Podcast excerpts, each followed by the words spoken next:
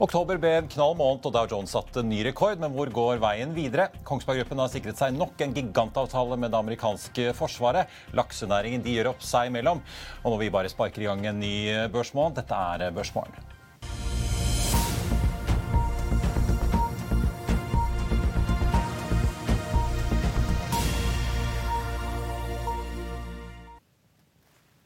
Riktig god morgen og velkommen til oss her i Finansavisen. Mitt navn er Marius Lorentzen, og med meg har jeg aksjekommentator Karl Johan Målnes. Vi får også straks med oss biotekanalytiker i DB Markets, Geir Hiller Holom, som skal snakke om en sektor som har fått mye juling i løpet av eh, året. Hovedveksten den endte opp 0,9% i går, og dermed endte vi da oktober med en oppgang på 6,6% Før dagen i dag så venter DB Markets en oppgang på 0,2% men Nordnett ligger inne på et estimat på 0,8 vi så Wall Street tikke litt ned i går, men det var ikke nok til å legge en demper på rekordnoteringene, for eh, Dow Jones klarte seg relativt sett ganske greit med et fall på 0,4.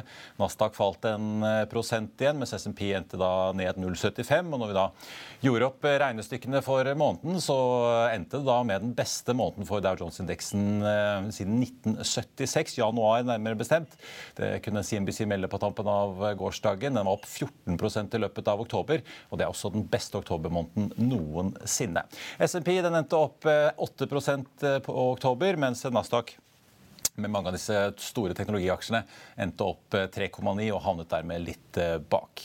I dag så er de største indeksene i Asia ganske solid opp, og vi ser også at oljeprisen tikker oppover. Halvannen prosent på nordsjøoljen til 94 dollar og 10 cent fatet i spotmarkedet.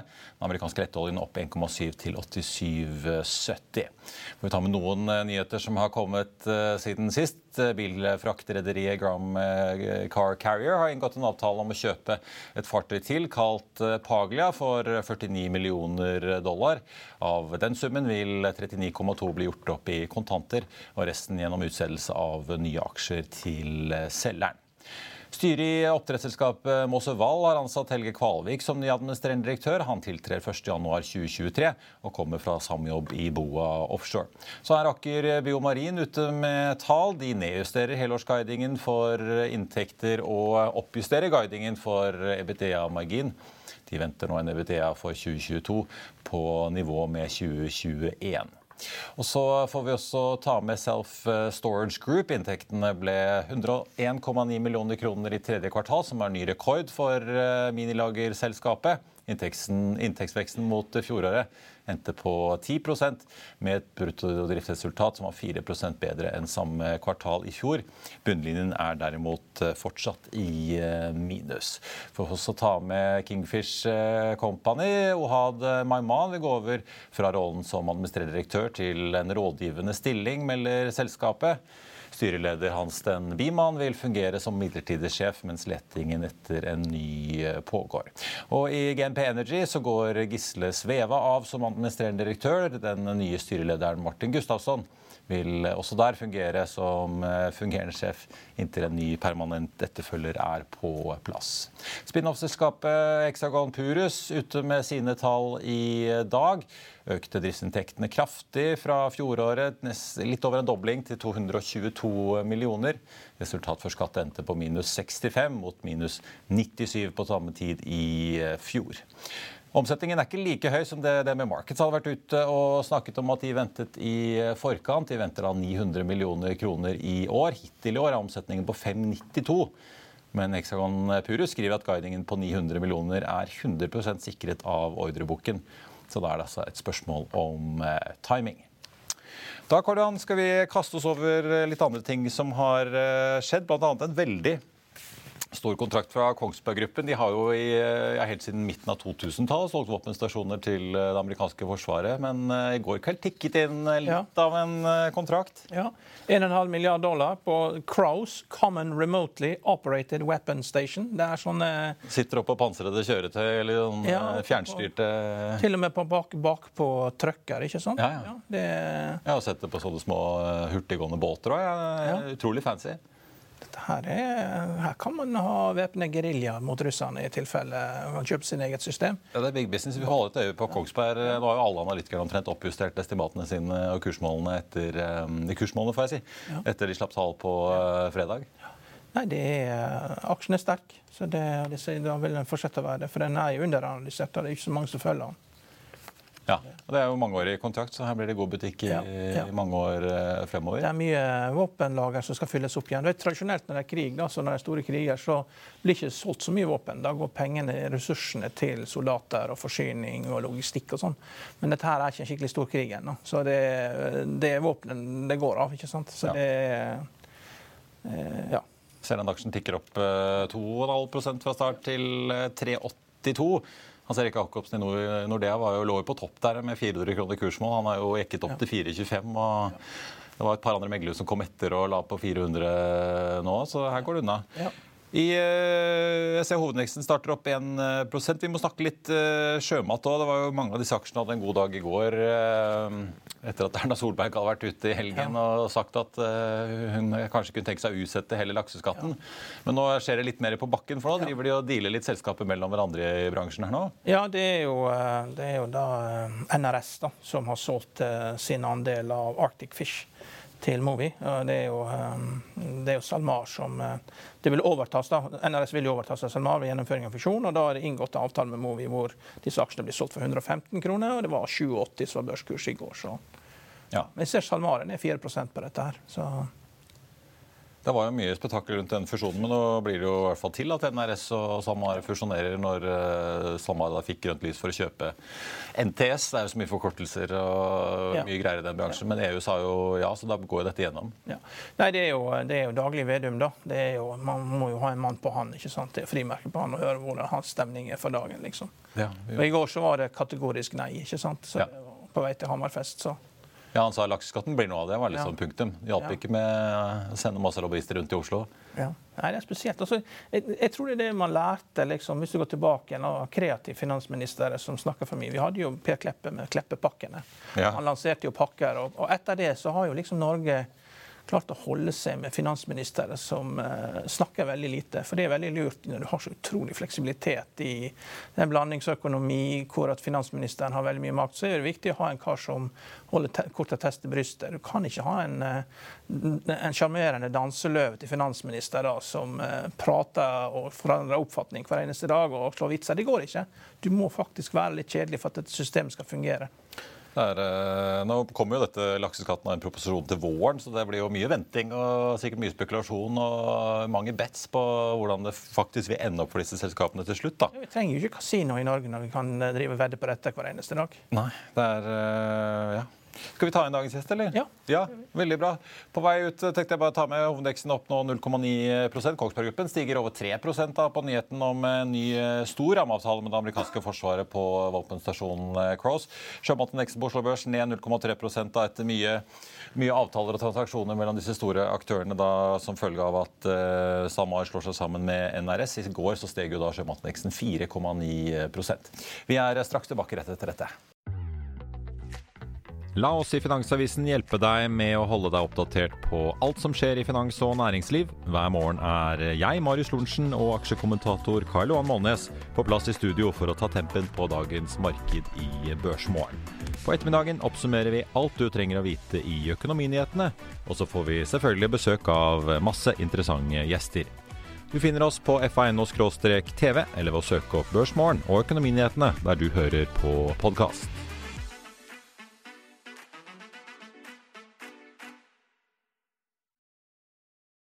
Velkommen tilbake. Da har vi fått med oss Geir Hilder Holom fra DNB Markets. God morgen. Tusen takk. Velkommen. Får vi si, eh, Ganske fersk i gamet med å være biotekanalytiker, for du er egentlig lege? Det stemmer. Jeg er egentlig lege og forsker, og jeg har også gått en tur på Handelshøyskolen. Altså jeg har gjort litt forskjellig. Ja. Eh, men, eh, men, relativt fersk. Jeg har vært i DNB i litt over et år. Hva var det som fikk deg til å hoppe over fra legestanden og medisinstanden over til kalkulatoren i Børvika? Jeg gikk nok gjennom eh, legestudiet med litt økonomibrillene på etter å ha gått eh, på Handelshøyskolen. Eh, så jeg hadde vel en, hele tiden en langsiktig plan om å få kombinert de to. Og etter å ha forsket litt også, så fant jeg ut at biotek var, var spennende. Dessverre så starta jeg på, på toppen i, i, markedet, men vi får satse på det snur. Du får trøste deg med at du, du, er ikke alene der, Vegard Sørein i Alternum Capital. har vel ganske åpen på at de også kom litt uheldig ut fra starten. Men eh, Karl Johan, dette er jo en sektor som er ganske sånn fascinerende. Veldig mange av aksjene er ganske sånn eh, binære. Det er enten hit or miss ja. uh, på de, og du må liksom faktisk sette deg inn i ganske detaljerte ting for å følge med hva disse børsmeldingene fra selskapene betyr? Det er veldig vanskelig. Vi snakket litt her før sending om at uh, vi så at Wellington hadde shortet Nycode. Wellington, eh, du har kanskje vært og besøkt, det er jo som et sykehus. Det er jo, det er jo eksperter på alle områder. Det er jo steinhard konkurranse på dette. her, Så det er jo flott at man tar inn leger. Uh, fordi at det er liksom det, da vet man hvem man snakker om. For det er veldig vanskelig. Og klart, Kursen er veldig mye styrt av likviditeten i markedet. Jeg har jo også stor sympati med han, for det er bare én ting som er verre enn å starte som biotekanalytiker på toppen av syklusen. Det er å starte som bankanalytiker ja. foran en bankkrise. For da blir du helt Da skjønner du ingenting. altså når du går ned. Du fikk liksom startet e-postkontoen og fikk nøkkelkort i ja, juni 2007? Og, og, og, ja. mm. Dette skulle være veldig enkelt, og det er ikke enkelt. og Det kan han sikkert skrive under på. Men du var i Sverige i går. Hva, hva, lærte du noe av de? Hva, hva, feedback fikk du der når du la fram de norske biotek-aksjene? Hva sa de til deg? Ja, altså det, det, har jo vært et brutalt uh, år. Uh, hvis man ser på den amerikanske biotekindeksen, så er jo den i 30% og Det er vel den, den uh, mest relevante indeksen, uh, syns vi, å, å, sammenligne oss med. altså det er jevnt over? Det er ikke bare de norske biotek-aksjene eller helseaksjene som er mye ned? Det er jevnt over? Det er jevnt over. hvis du ser tilbake fra, til mars 2020, når alt gikk ned, så, så, var resten av 2020 et rekordår for, for biotek, hvor investorene kastet penger penger etter selskapet så lenge det sto B og Iotech eh, ja. i navnet. Eh, så, så toppunktet i, i februar 2021 eh, Hvis man ser litt sånn i, i, bakspeilet, så var det nok litt for mange selskaper som, som, ble børsnotert. Og det man også så, var at selskapene ble notert i tidligere fase enn en, en tidligere. Så, så, det er nok ikke plass til, til alle selskapene. Og, og det, det, vi tror, og også spesialistinvestorene jeg har snakket med i Stockholm tror, er jo at dessverre blir eh, ruglete framover. Det er mange selskaper nå som trenger å hente penger, og det, ikke, det er nok mange som ikke vil lykkes. Så, så de selskapene som, eh, som, vil lykkes, er jo selskaper som eh, eller i hvert fall som vi tror vil stå seg veldig godt framover, er jo selskaper som, som er godt finansiert og har en, en teknologi som er bevist. Men er det stigende renter som tar knekken på dette, her, fordi det ofte handler om uh, inntekter og, og, suksess en eller annen gang inn i fremtiden? Ja, absolutt. Eh, det er jo litt flere ting. Eh, for det første så, så, er det som sagt litt for mange selskaper nå der ute. Det er ikke pengekapital til, til alle. En annen ting er jo, som du sier, sektoren er jo veldig out of favor nå. Det er, det er høy risk, usikre inntekter langt fram i tid. Det er ja, det sitter langt inne. Og, man får jo stort sett, liksom, Hvis man spør disse toppene, så er det kommersialisering liksom 24-25. Ja. Ja. Det bruker å gjøre når jeg leter etter når sektorer går ned. Altså, hva er det de gjør de aller beste? da? Så og det aller beste, de bryter jo reglene litt. Altså, jeg fant et spesialfond i Fidelity, og han har bare gått over 10 %-grensen og lasta opp med United Health. Da. Og Det er jo et sykehus, liksom, sykehusselskap fra Minnesota med 350 000 ansatte. og Det er klart det er så defensivt som det kan få blitt, og han har vel nesten halve fondet sitt til dette. her. Altså, det blir, når alt bare går ned, så er det noen som tyr til litt sånn desperate measures. og få lov til å starte spesialfond da, for å, å, berge kapitalen. For det er jo problemet med sånn sektorfond at du, eh, det, det, det, er ganske høy korrelasjon da, mellom de som gjør det dårligst, og resten som gjør det bare dårlig. Og det er altså, et av de beste fondene. Vi, vi brukte jo, En periode da, så var jeg i Nordea da, på slutten av 90-tallet. Da var veldig mange danske biotekselskaper. Vi tok det med rundt. Orbimed f.eks. Selv de er jo ned med 30% og Det er jo et av de beste fondene der borte. Så det er ingen som har spart. Så det er helt brutalt. Eh, det er, eh, det er omtrent som å være oljeserviceanalytiker når oljeprisen stuper. Så det Dessverre. Så ja, Vi har sympati med deg. Du trenger, du trenger ikke begynne å gråte. så har, Alle har det sånn. Men, men, Du sa litt sånn de som er best stilt. er det da, En ting er åpenbart liksom de som har en eller annen form for finansiering som holder utviklingsløpet gående. Da, antar jeg Enten de har en partner eller stort legemiddelfirma som har signet på. Er det den type spor du ser etter for å ja, altså, bare tilbake til det du, det du sa.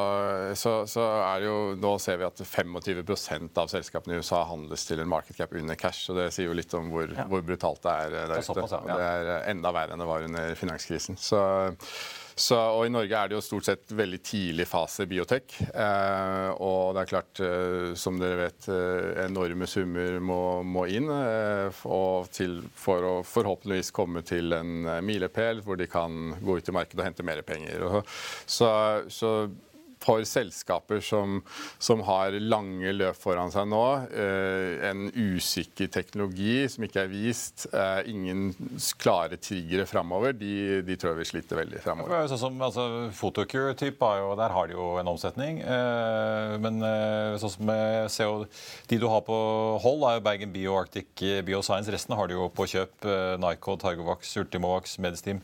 Eh, men Nycod og sånn, de har vel egentlig ikke noe særlig omsetning i dag? er det det? Nei da, de har, de har, ingen omsetning. De, de er jo en, eh, Deres eh, lead eh, candidate asset er jo i fase to.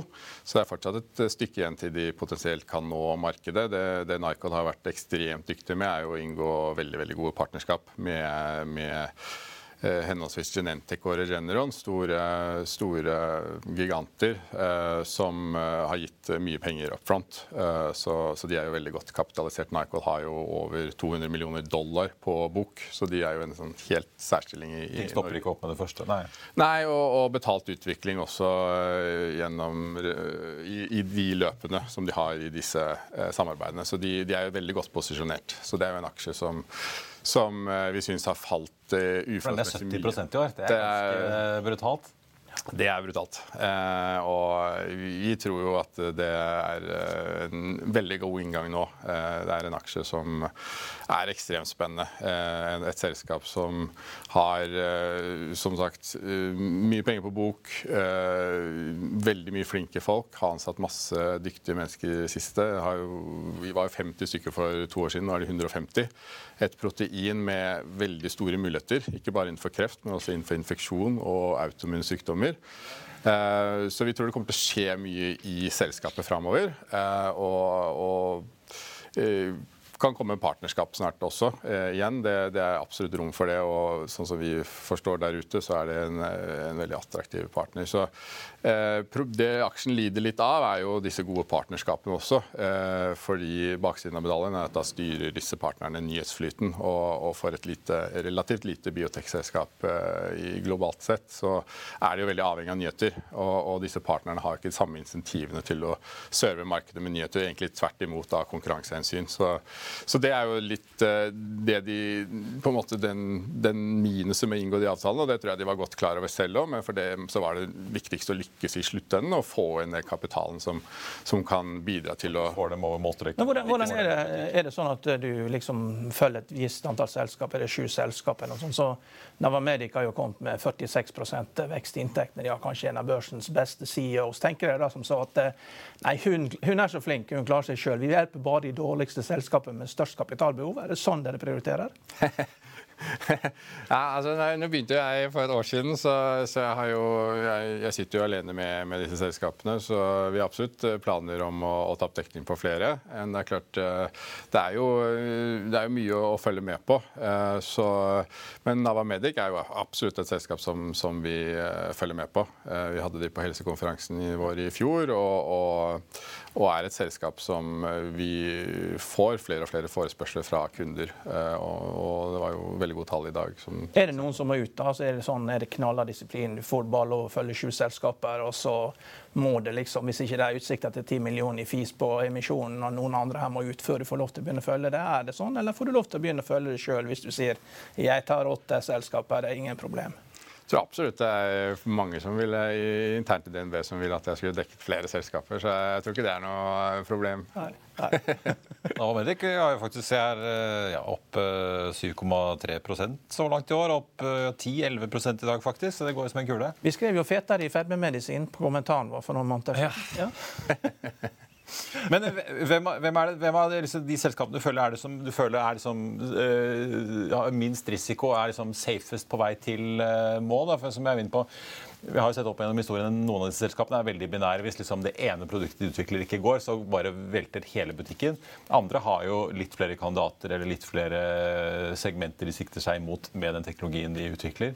Mm. Hvor er det liksom risikoen er minst uh, hvis man nå sitter og ser at her har det falt mye veldig på en måte lave multipler og gode kjøpsmuligheter? Det er godt spørsmål. Eh, biotek er jo i hvert fall tidligfase er jo per definisjon høy risiko. Eh, så, så skal jeg være forsiktig å si at det er lav risiko på noen. Eh, men en, en, aksje som jeg kan trekke fram som i hvert fall er, kommer til å være veldig spennende nå, kanskje den mest spennende av hvert fall de kjente triggerne framover, er jo Ultimovax. som har to store, eller relativt store fase to-studier som de får avlesning på nå H123, altså neste halvår. Eh, som, som, potensielt kan eh, være veldig trigger for, eh, for kursen. Og, og, og, er godt designede studier som, som, som, vil gi oss mye informasjon. og Der har jo selskapet også vært veldig framoverlent og sagt at de, gitt gode data, så ser de for seg å inngå et partnerskap. og Litt sånn som det, den vaksinen er, så, så, må en partner ta hele den vaksinen. Så, så det blir på en måte den store dealen som Ultimax eventuelt gjør. Så, så, det er et, et, veldig spennende selskap. Og, og, det er jo et selskap som har også god finansiering. Har, hadde litt under 500 millioner kroner på bok eh, Endo Q2. Så de har jo cash til H124, så godt etter disse avlesningene. Så, så det er en aksje som, som jeg syns har falt uforholdsmessig mye. Så, så der, der, har man en, en potensielt god, inn, en god inngang nå, litt sånn risk reward-messig, sånn som vi ser det. da. Ja. ja, for den har du kjøpt 200 på. Den ligger på under 80 kroner. Ja. Exakt. Så der er det litt å gå på. Det er jo en del helsefond. altså Det er jo veldig vanskelig å få rett på enkeltaksjer. Hvilke helsefond er det du vil anbefale kunder å kjøpe? Hvem er det som er, gjør en god jobb? Hvem er det som er aktiv på dette? Ja, Det er et godt spørsmål. Det er jo mange av de kundene mine. Ja, ja, det, er det, er jo ingenting som er bedre. Dette her er jo en lissepasning. Det er jo ikke så mange helsefond. Jeg gikk bare og ventet på den. Ja, du må jo få den her i mål. Fondsfinans, fondsfinans Våre seere vet ikke hvem dette her er. Fondsfinans, DNB, Arctic. Er det flere? Det er, jo, det er, jo, veldig mange forskjellige helsefond der ja. ute. Det er jo en del fond som, som, som har globale mandater. Som, som, vi deler jo gjerne helse i fire subsektorer. Pharma, health services, biotech og medtech. Så, så, det er klart, eh, de som driver med med liksom Pfizer og AstraZeneca med globale mandater på Big Pharma er jo helt annet enn en norsk biotek. da. Vi har jo ikke noe... Dette gjør Ulrikke. Jeg har sett på porteføljen hennes. Det er Johnson Johnson, det er, det er store farmaaksjer nå. Det er ikke noen Er det en forvalter du snakker om? Ja, forvalter. Ja. Arctic, Arctic, Arctic, Arctic uh, Life Science. Uh, fond, er det ikke det det heter? Ja, er, De er veldig veldig dyktige. Det kan jeg uh, ja. Men DNB har jo et fond med halv milliard under forvaltning. De er jo flinke. De er veldig, veldig dyktige også. Ja. Fondsfinans har et helsefond. De er flinke. De er veldig, veldig dyktige også. Ja. Hvilke flere er det?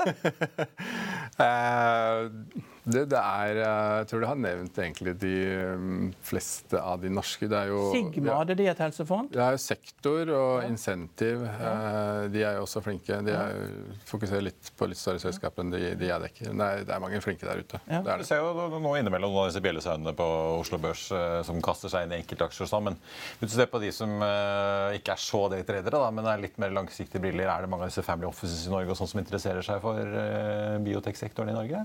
Ja, det vil jeg absolutt si. Det er jo en sektor som er veldig kompleks. Eh, å, forstå for de som er uh, utenfor sektoren, og det er jo komplekst for oss også. Uh, så, så, det er mange som ligger helt unna, men, men uh, allikevel så ser man jo at det er, er en del suksesshistorier som, som, gjør at man har lyst til å være med på dette. Så, så, jeg vil absolutt si at det er en stor interesse der ute for, for å høre om biotek.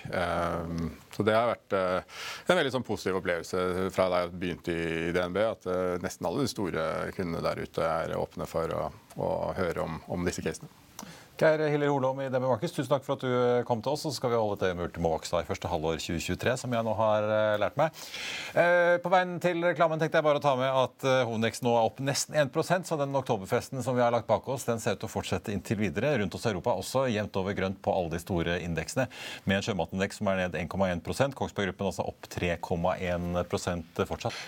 Interessant å høre, Karl Johan. Det er åpenbart mange aksjer som får kjørt seg i biotek. Så hvis man har troen, så kan det jo knapt bli så veldig mye verre for en del av disse aksjene. da. Det Problemet er at det kan det.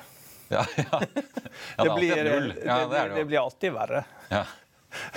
før det blir bedre. Det er iallfall en nedgang. Så det, dette her er ikke over. Det, vi er i et bear market. og, og eh, nå har vi hatt the Plunge Protection Team inne her nå i en måneds tid og sørget for at ting ser litt bra ut fram til valget. Det er det er, hvordan leser du? Det er jo ikke bare Wall Street. altså Oslo Børs har gått ja. kul i oktober. Ja, ja. men det, her, det, fundamentale er jo at rentene går opp. og dette her kommer til syvende. Det tar tid ikke sant? Det tar tid før Du betaler jo rentekupongen liksom halvårlig. ikke sant? Så det tar jo, Når renten går opp med 4 i løpet av et år, så tar det et år før det virker. Og dette kommer til å svi. Ja. Det, penger må komme fra et sted. og da når du da i tillegg i Norge begynner med skatteøkninger og sånn, så er jo det, får plutselig CFO-ene noe å gjøre her. Så har vi jo et uh, rentemøte på uh, onsdag kveld. Uh, klokken Rentebeslutningen kommer syv, ikke åtte, pga. Ja. tidsforskjellen, som er litt mindre nå med sommertiden. Men det blir jo ganske avgjørende å se hva Fed egentlig signaliserer om veien videre. Om det er noen tegn til at de vil begynne å slakke litt av på gassen, eller om de måker på med 0,75 0,75 Det kommer de ikke til å tørre å gjøre. Det er rett før valget, dette her, så de kommer til å være on script og kommer til å snakke hardt. Mm. Det, de tør ikke gjøre noe annet. Veldig bra. Ja. Vi ses igjen eh, i morgen. Takk for at du var eh, med. På tampen tenkte jeg bare å ta med noen analytikeroppdateringer som har kommet på andre selskaper enn eh, bio, Biotek. SEB er ute og kutter kursmålet på Hexagon fra 50 til 35 kroner. Opprettholder kjøp, riktignok. Hexagon er jo da største eier i Hexagon Pure, som altså kom med tall i eh, dag. Og Hexagon Composites-aksjen altså ble sist omsatt for 23,90 i går, ned 27 hittil i går. På Kahoot er ABG ute og nedjusterer kursmålet fra 50 til 40. Gjentar kjøp. Den aksjen endte på 22,17 i går. Og så har vi Link Mobility, hvor Carnegie kutter kursmålet fra 15 til 11,5. Gjentar kjøp da like før Link kommer med tall om ikke altfor mange dager. Så får vi også ta med da at uh, det med Marcus skriver i sin morgenrapport i dag at Fotokur, som da endte på 92,10 i går, hvor de har en kjøpsanbefaling og kursmål på 140 eh, da altså venter de et tall som blir trukket opp av styrket dollar. Samtidig da trukket litt ned igjen den andre veien av eurokursen. Da med en situasjon med kunder som sitter med høye lagerbeholdninger på inngangen av eh, kvartalet. Så vi får følge med på de tallene som kommer altså litt senere i uken. Og Det var børsmålen for den eh, tirsdag 1.11. Husk å få med deg Økonominyhetene klokken 14.30. Da får vi med oss eh, Trygve Hegnar i studio. I mellomtiden så får du siste nytt på F1 og gjennom hele børsdagen. Ha en riktig god dag videre. Takk for nå.